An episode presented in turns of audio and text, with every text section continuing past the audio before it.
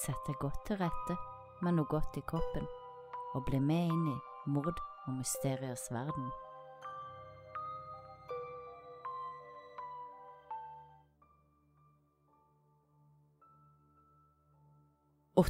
januar 2010 så blir 27 år gamle Jessica Lloyd meldt savnet fra hjemmet sitt i den lille byen Tweed i Ontario. Det er et familiemedlem som melder henne savnet da ingen får kontakt med henne. Politiet setter straks i gang en stor leteaksjon, militæret blir koblet inn, og det leides fra både helikopter i lufta og hunder på bakkenivå. Jessica ble etterlyst gjennom media, og savna-plakater ble hengt opp i hele byen, og politiet ber alle som har sett noe, om å ta kontakt. Og bare to måneder tidligere, i november 2009, hadde den 37 år gamle militærkvinnen Marie France Comeau blitt funnet voldtatt og drept i sitt eget hjem og to andre kvinner hadde i september blitt overfalt og voldtatt i sine egne hjem. Kunne disse ha en sammenheng med Jessica, som nå var forsvunnet? En mann ringer politiet to dager etter Jessicas forsvinning, og han forteller at han kvelden før Jessica forsvant, kom kjørende forbi huset til Jessica. Han var på vei hjem fra jobb, og klokka var cirka tre på natta. Han hadde lagt merke til en bil, en SUV, som hadde stått parkert på et jorde litt bortenfor huset til Jessica. Han hadde reagert, og bilen ga en følelse av at noe ikke stemte. Både måten og stedet den sto parkert på, var uvanlig. Han hadde kjørt forbi dette stedet tusenvis av ganger, og det pleide aldri å stå biler parkert der på den tida av døgnet. Politiet oppsøker straks stedet hvor informanten har observert bilen, og her finner politiet hjulspor og fotspor i gjørma som leder opp mot Jessica sitt hus og med to nye spor å gå etter, så setter politiet i gang en større aksjon for å sjekke biler som kjører forbi Jessica sitt hus. Og bilsporene som politiet har funnet, de var såpass spesielle at de hadde håp på å finne bilen. Over de neste fire dagene så stanser politiet over 200 biler, men ingen av bilene matcher med dekksporene. Politiet er i ferd med å gi opp og gå over til å lete på andre måter, da oberst Russell Williams kommer kjørende til det han tror er en vanlig trafikkontroll. Russell blir stoppa, han snakker høflig med politiet, og etter 90 sekunder får han kjøre videre. Det Russell ikke vet, er at politiet straks setter han under overvåkning, da dekkene på bilene han ble stansa i, viser seg å være full match med dekksporene funnet i nærheten av Jessica sitt hus. Oberst Russell Williams ble født i Bromsgrove, England, den 7. mars 1963. Foreldrene var Christine og Cedric Williams. Mens Russell ennå var en baby, emigrerer foreldrene til Canada, hvor de bosetter seg i Chalk River i Ontario. Faren arbeider ved Canadas etterforskningslaboratorie for kjernekraft, og det tok ikke lang tid før foreldrene ble gode venner med en av nabofamiliene, Sovaks-familien. Men da Russell var seks år gammel, så skilte foreldrene seg, og ikke lenge etter så gifta mora seg med Jeremy Sovak, mannen i familien de hadde blitt så gode venner med. Russell studerte ved Burkman-skolen og ble uteksaminert ved Upper Canada College i 1982. Her var han også studentenes tillitsperson det siste året. På fritida jobber Russell som avisbud og lærte seg å spille piano. Etter college fortsatte Russell å studere økonomisk og politisk vitenskap, og i 1986 tok han også en bachelor i kunstvitenskap. Russell var også kjent for å kjøre pranks på sine venner. Han dirka ofte opp døra til rommene deres og gjemte seg i rommet til de kom hjem, sånn at han kunne skremme dem. Noen ganger kunne han gjemme seg i timevis. På starten av 90-tallet møtte Russell Mary Elisabeth Harriman, som arbeider for Hjerte- og slagforeningen, og 1. juni 1991 så gifta de seg i en liten seremoni i byen Tweed. På denne tida var Russell blitt en ivrig fotograf, fisker og løper, og han og kona var ivrige golfspillere. Allerede i 1982 hadde Russell meldt seg inn i det canadiske militæret, og i 1990 fikk han pilotsertifikatet. Han arbeidet etter dette som instruktør for fire forskjellige luftfartsskoler, og i 1992 ble Russell promotert til flyverkaptein i militæret. Og i 1994 fikk han jobben med å fly transportskvadronen, som hadde som oppgave å fly VIPs, som inkluderte høyt ranka offiserer og myndigheter. Han flydde blant annet dronning Elisabeth, prins Philip og ministeren i Canada. Russell ble ansett som en elitepilot og en skinnende stjerne i militæret. Og i 2009 ble han sverga inn som vingekommandør ved CFB Trenton, Canadas mest travle militærflybase. Men i 2010 skulle Russells liv ta en vending som skulle sjokkere de som kjente han. 7. februar 2010 satt Russell hjemme i sitt nybygde hus i Ottawa, hvor hans kone bodde på fulltid og han selv bodde på deltid på grunn av sitt arbeid ved flybasen. Telefonen ringte, og det var Ontario-politiet som ba Russell komme inn for å svare på noen spørsmål. Politiet har sterke mistanker til Russell etter at dekkene på bilen hans viste seg å være de samme type dekkene som var funnet i nærheten av Jessica sitt hjem. Når Russell kommer inn til avhør, er etterforskerens fokus å få han til å tilstå, og helst unngå at han kontakter advokat eller avbryter avhøret før de kommer så langt. Snart skal du få høre hva som skjer under dette avhøret, og hvordan politiet arbeider. Russell kommer inn i det lille avhørsrommet, og etterforskeren forklarer situasjonen med Jessica, og at de ennå håper å finne henne i live. Han får tilbud om kaffe før etterforskeren informerer Russell om sine rettigheter, forklarer at han er ikke arrestert, og at han er fri til å gå når som helst eller kontakte advokat om han føler han har behov for det. Videre forklares Russell at de har fire saker som de etterforsker, som alle har skjedd de siste fire–fem månedene.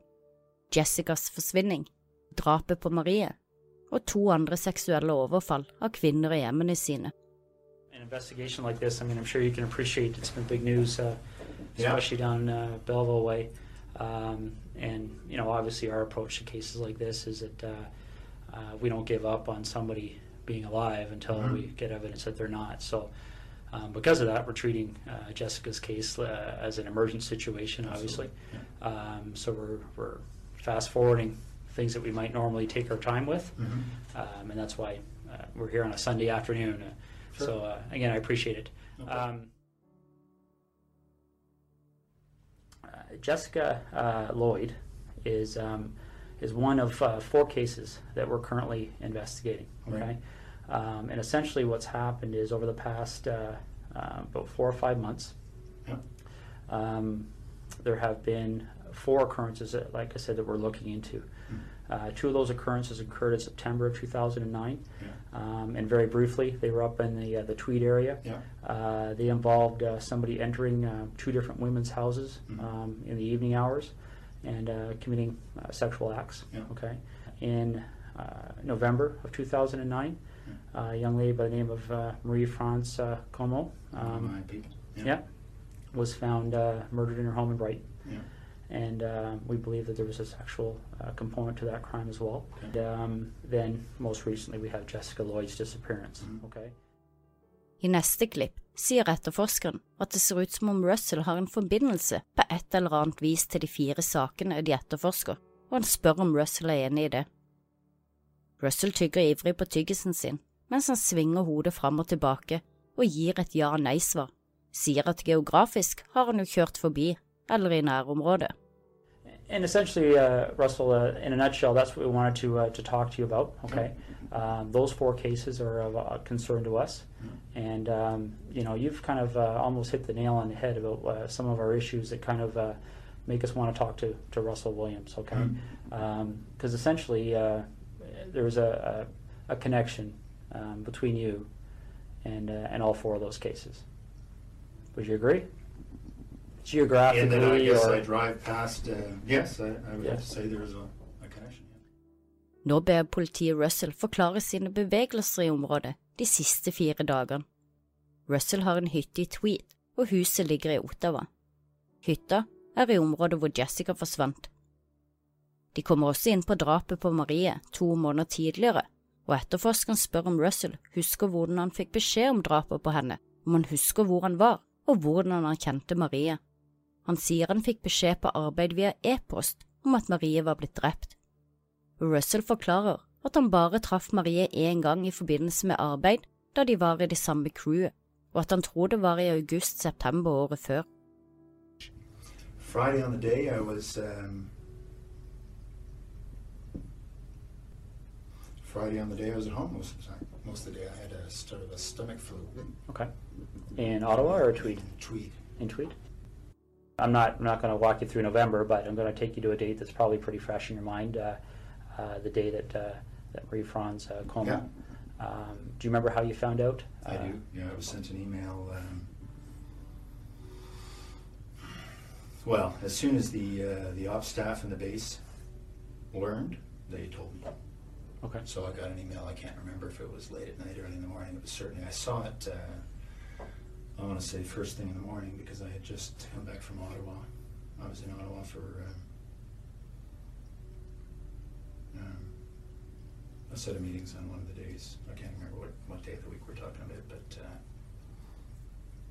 yeah, no, I mean, obviously when your people gets killed, it uh, gets your attention. So Absolutely. yeah, I very much remember that coming in. And how did you know Marie Franz coma?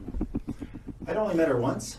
Um, she was on a crew uh, I was on uh, just after I got to the base. Okay. Do you know uh, roughly when that happened? That we were on the same crew, Uh, you- The time you met her, the one time there, yeah. it was soon after I got to the base. So uh, I, I don't remember exactly, but I would say in the first couple of months, so August, September. Okay. Etterforskeren spør nå Russell om han er villig til å gi politiet det de trenger, for å eventuelt kunne sjekke han ut av saken. Russell spør hva de trenger. Etterforskeren ber om fingeravtrykk, DNA-prøve og skoavtrykk, og i et kjapt øyeblikk, før Russell svarer ja, kikker han ned på skoene sine. Etterforskeren forlater avhørsrommet, og da han kommer tilbake er han alvorlig og sier oppgitt til Russell at hver gang han går ut av rommet, så dukker det opp nye ting som knytter Russell til sakene. Han sier så at ekspertene har sett på skoavtrykkene for åstedet og sammenligner det med Russell sitt, og at de er identiske.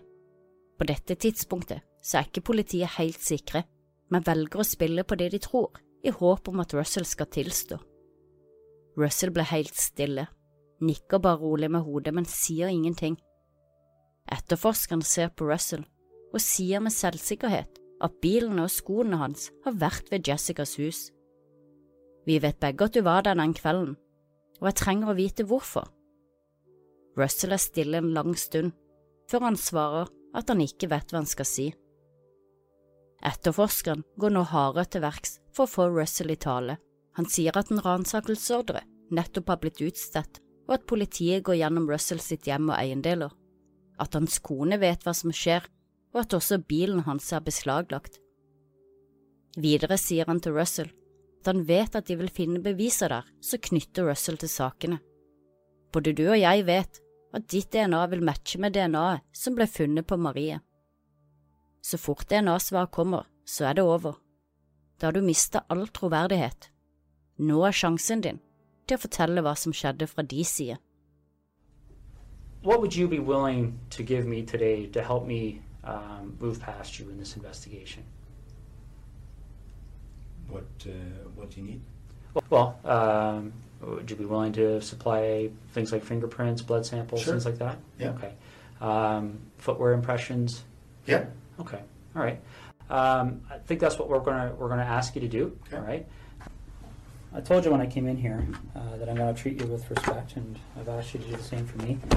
Um, we talked about the whole idea of how we've uh, uh, approached you here. Okay. Uh, the, the trying to be as discreet as possible. Mhm. Okay. But the problem is, Russell, is every time I walk out of this room, there's another issue that comes up. Okay. And it's not issues that point away from you; it's issues that point at you. Okay. And I want to, I want you to see what I mean. All Mhm. right. This is the footwear impression of the person who approached the rear of Jessica Lloyd's house Mhm. On the evening of the 28th and 29th of January. Yeah. Okay. You take a look at this print, and again, this is one print. This Mhm. person walked through. There's several different prints to compare. Mhm. So we're going to get features off of one print to compare, features off another print to compare. Yeah. These are identical.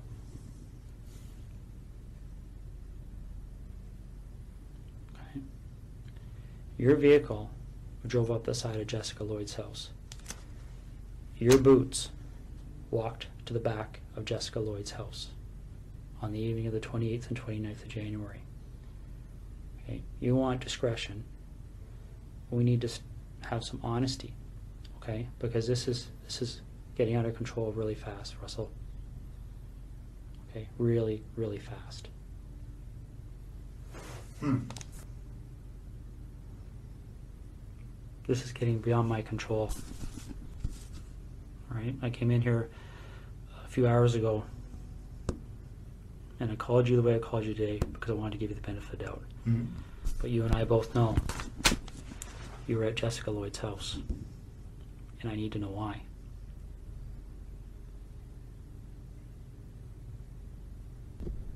You and I both know they're going to find evidence that links you to these situations. You and I both know that the unknown offender, male, May, on Marie France Como's body is going to be matched to you, quite possibly before the evening's over. Okay? This is a major investigation. The Center of Forensic Science is on call 24 hours a day helping us with this. Hmm. Your opportunity to take some control here and to have some explanation that anybody is going to believe is quickly expiring. Mm. De neste ti minuttene sier Russell kun to ting. Han ber etterforskeren kalle ham for Russ, og noen minutter senere så sier han Jeg kan ikke tro at dette skjer. Utover det så veksler han mellom å sitte med haka i handa eller armene i kryss over brystet, mens han nikker på hodet og innimellom lager sukk og stønnelyder. Det er tydelig at han vil si noe, men ikke får det helt til. Men så, endelig bryter Russell stillheten og sier han vil gjøre det minst mulig smertefullt for sin kone, og spør etterforskeren hvordan de kan gjøre det. Du kan starte med å fortelle sannheten, sier etterforskeren, og spør samtidig Russell igjen om hvor Jessica er. Russell er stille litt igjen, før han spør om politiet har et kart. What are we going to do?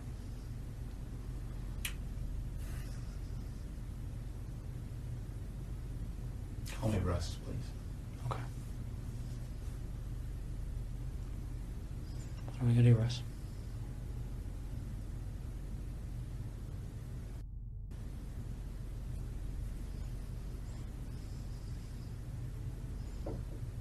Is Jessica somewhere we can find her easily?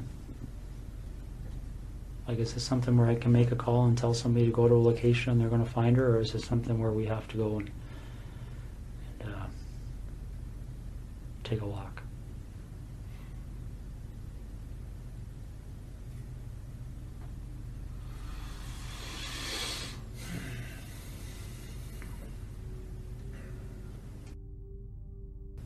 Russ, maybe maybe this would help. Can you tell me what the issue is you're struggling with?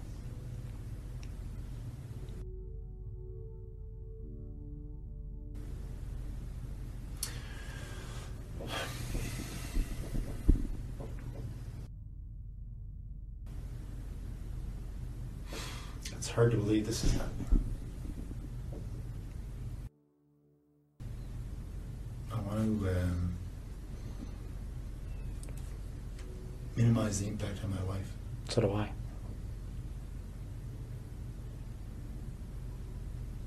So how do we do that? Well, we start by telling the truth. So where is she?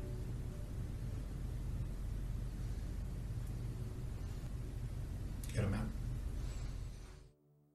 Endelig kom gjennombruddet. Dette er starten på tilståelsen og funnene som skulle sjokkere alle han kjente. Russell forteller nå hva som skjedde da han drepte Jessica. Han forteller at hun var i live i ca. 24 timer. Han peker på kartet og viser området hvor Jessica sine levninger ligger. Han forteller at han så Jessica i huset sitt mens hun løp på tredemøllen. Dagen etter var hun ikke hjemme, og Russell forteller at han gikk inn i huset og kikka seg rundt. Neste dag så han at Jessica kom hjem, og litt senere gikk han inn igjen i huset hennes via bakdøra mens Jessica lå og sov. Han sier han vekka henne opp og slo henne en gang. Deretter voldtok han henne i sengen hennes før han dro henne ut i bilen og kjørte til hytta i byen Tweed. Han sier han slo henne i bakhodet med lommelykta, og at han ble overraska da hodeskallen ga etter. Han sier hun ble bevisstløs, og at han deretter kvelte henne. How long has she been there for?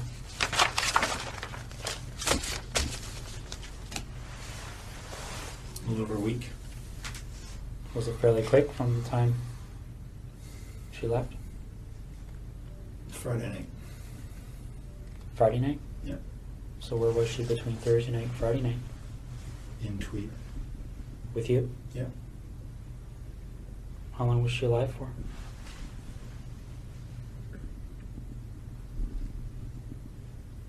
Almost 24 hours, not quite. Okay. Why don't we start with Jessica? Okay. How does that start for you? Um, I saw her in her house on her treadmill. Wednesday night, I guess. Then I noticed she wasn't um, there Thursday.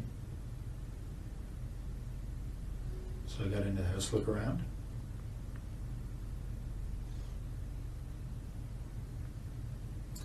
Then, um, and I left. Noticed she'd come home. So I went back in.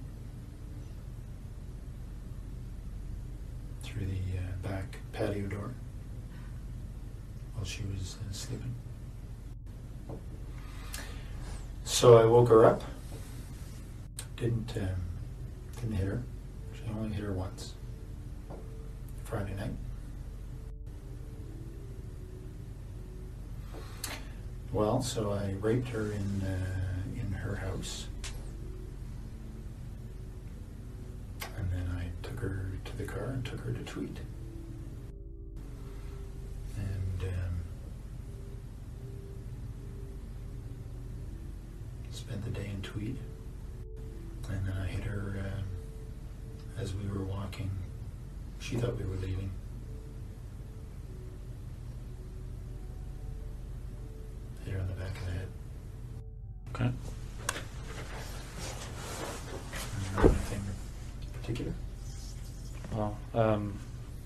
did the hit on the back of the head do?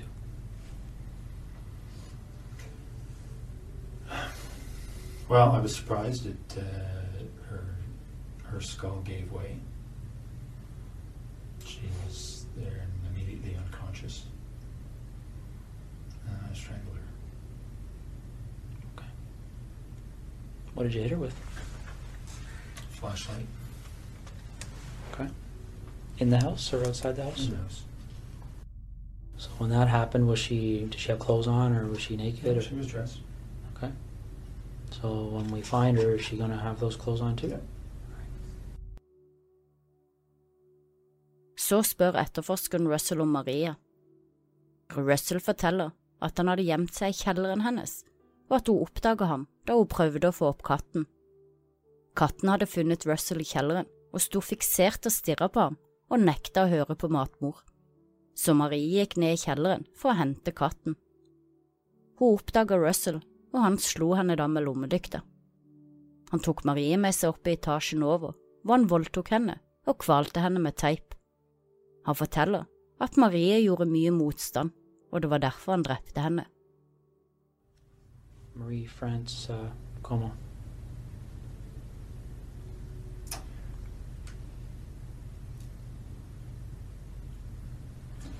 There was an open window in the basement of her uh, her house when she was away. I went in there um, a couple of nights before uh, she came home. Looked around. I went back in there uh, late at night when she was at home. She was on the phone in her bedroom. She actually discovered me in the basement. She was trying to get her cat to come upstairs, and the cat was in the basement had seen me and was fixated on me in the corner. She couldn't get the cat up, so uh,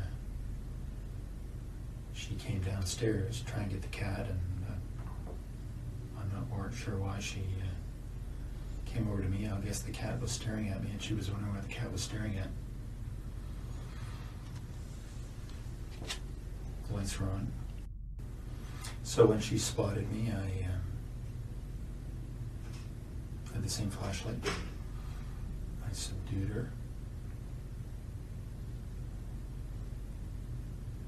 Tied her up, brought her upstairs.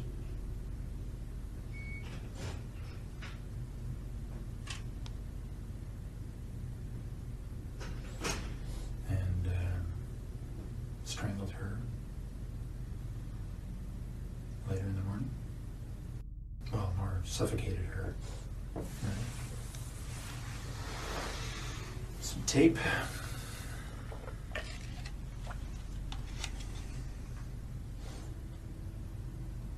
Left her there. How did you subdue her? And when you say subdued her in the basement, what did you do? Well, I had the same flashlight, and um, you know, she she saw me right away. So it was just uh, I hit her a couple of times and around her head, try and knock her out. Didn't, but um, she was bleeding a little bit. Eventually, um, after a struggle, subdued her. Did she recognize you? No, I had uh, stuff on my face. So then you go upstairs, and you said uh, she suffocated. Well, I suffocated her. I put tape on her. I put tape on her mouth, and then I put tape on her uh, nose and held it there so she couldn't breathe. Til slutt spør etterforskeren Russell om hva han føler om det han har gjort.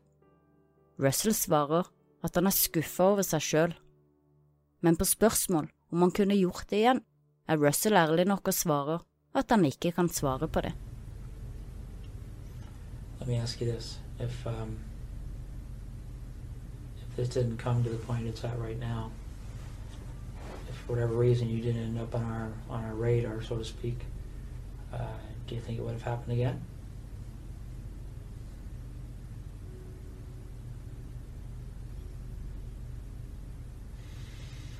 I was hoping not, Da politiet gjennomsøkte huset til Russell, fant de flere hundre bilder av Russell i kvinneundertøy som han hadde stjålet fra byens kvinner og sine ofre. I retten så Russell seg skyldig i to drap, to seksuelle overgrep og mer enn 80 innbrudd. Det ble vist utallige bilder i retten av Russell i kvinneklær, og flere bilder av undertøy som han hadde stjålet og lagt pent og pyntelig opp på et bord før han hadde tatt bilde av det. Det var tydelig at Russell hadde et veldig behov for å ikle seg kvinners undertøy, og en hemmelighet som han aldri hadde delt med noen. Det var nok rimelig ydmykende for Russell når disse bildene ble vist i retten. Det som hadde begynt som innbrudd og en besettelse av kvinners undertøy, hadde utviklet seg til voldtekt før det endte i drap. Det kom også fram i retten at Russell hadde pedofile tendenser og hadde stjålet undertøy til jenter unge som ni år. Han hadde også lagt igjen en hilsen til en tolv år gammel jente under et av sine innbrudd. Den en gang så høyt respekterte obersten var nå strippa for alt av ære og respekt, og tilbake satt sjokkerte venner, kollegaer og familie. Russell ble dømt til to ganger livstid og må sone minst 25 år før han kan søke om prøveløslatelse. Men bildene av Russell i kvinneunderklær vil for alltid leve videre. The details that were out already didn't prepare anyone for what was heard in court today, as Colonel Russell Williams pleaded guilty to two murders, two sexual assaults, and more than 80 break ins, and many were described in detail. Along with each count came graphic photo evidence and a clear pattern to Williams' escalating crimes.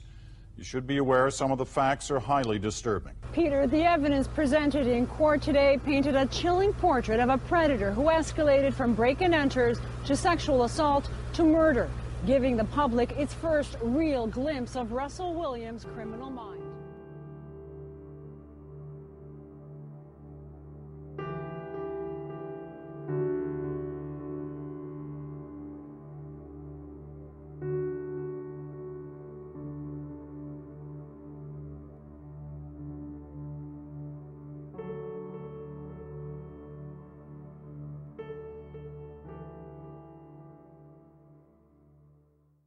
Har du et enkeltpersonforetak eller en liten bedrift? Da er du sikkert lei av å høre meg snakke om hvor enkelt det er med kvitteringer og bilag i fiken, så vi eh, gir oss her, vi.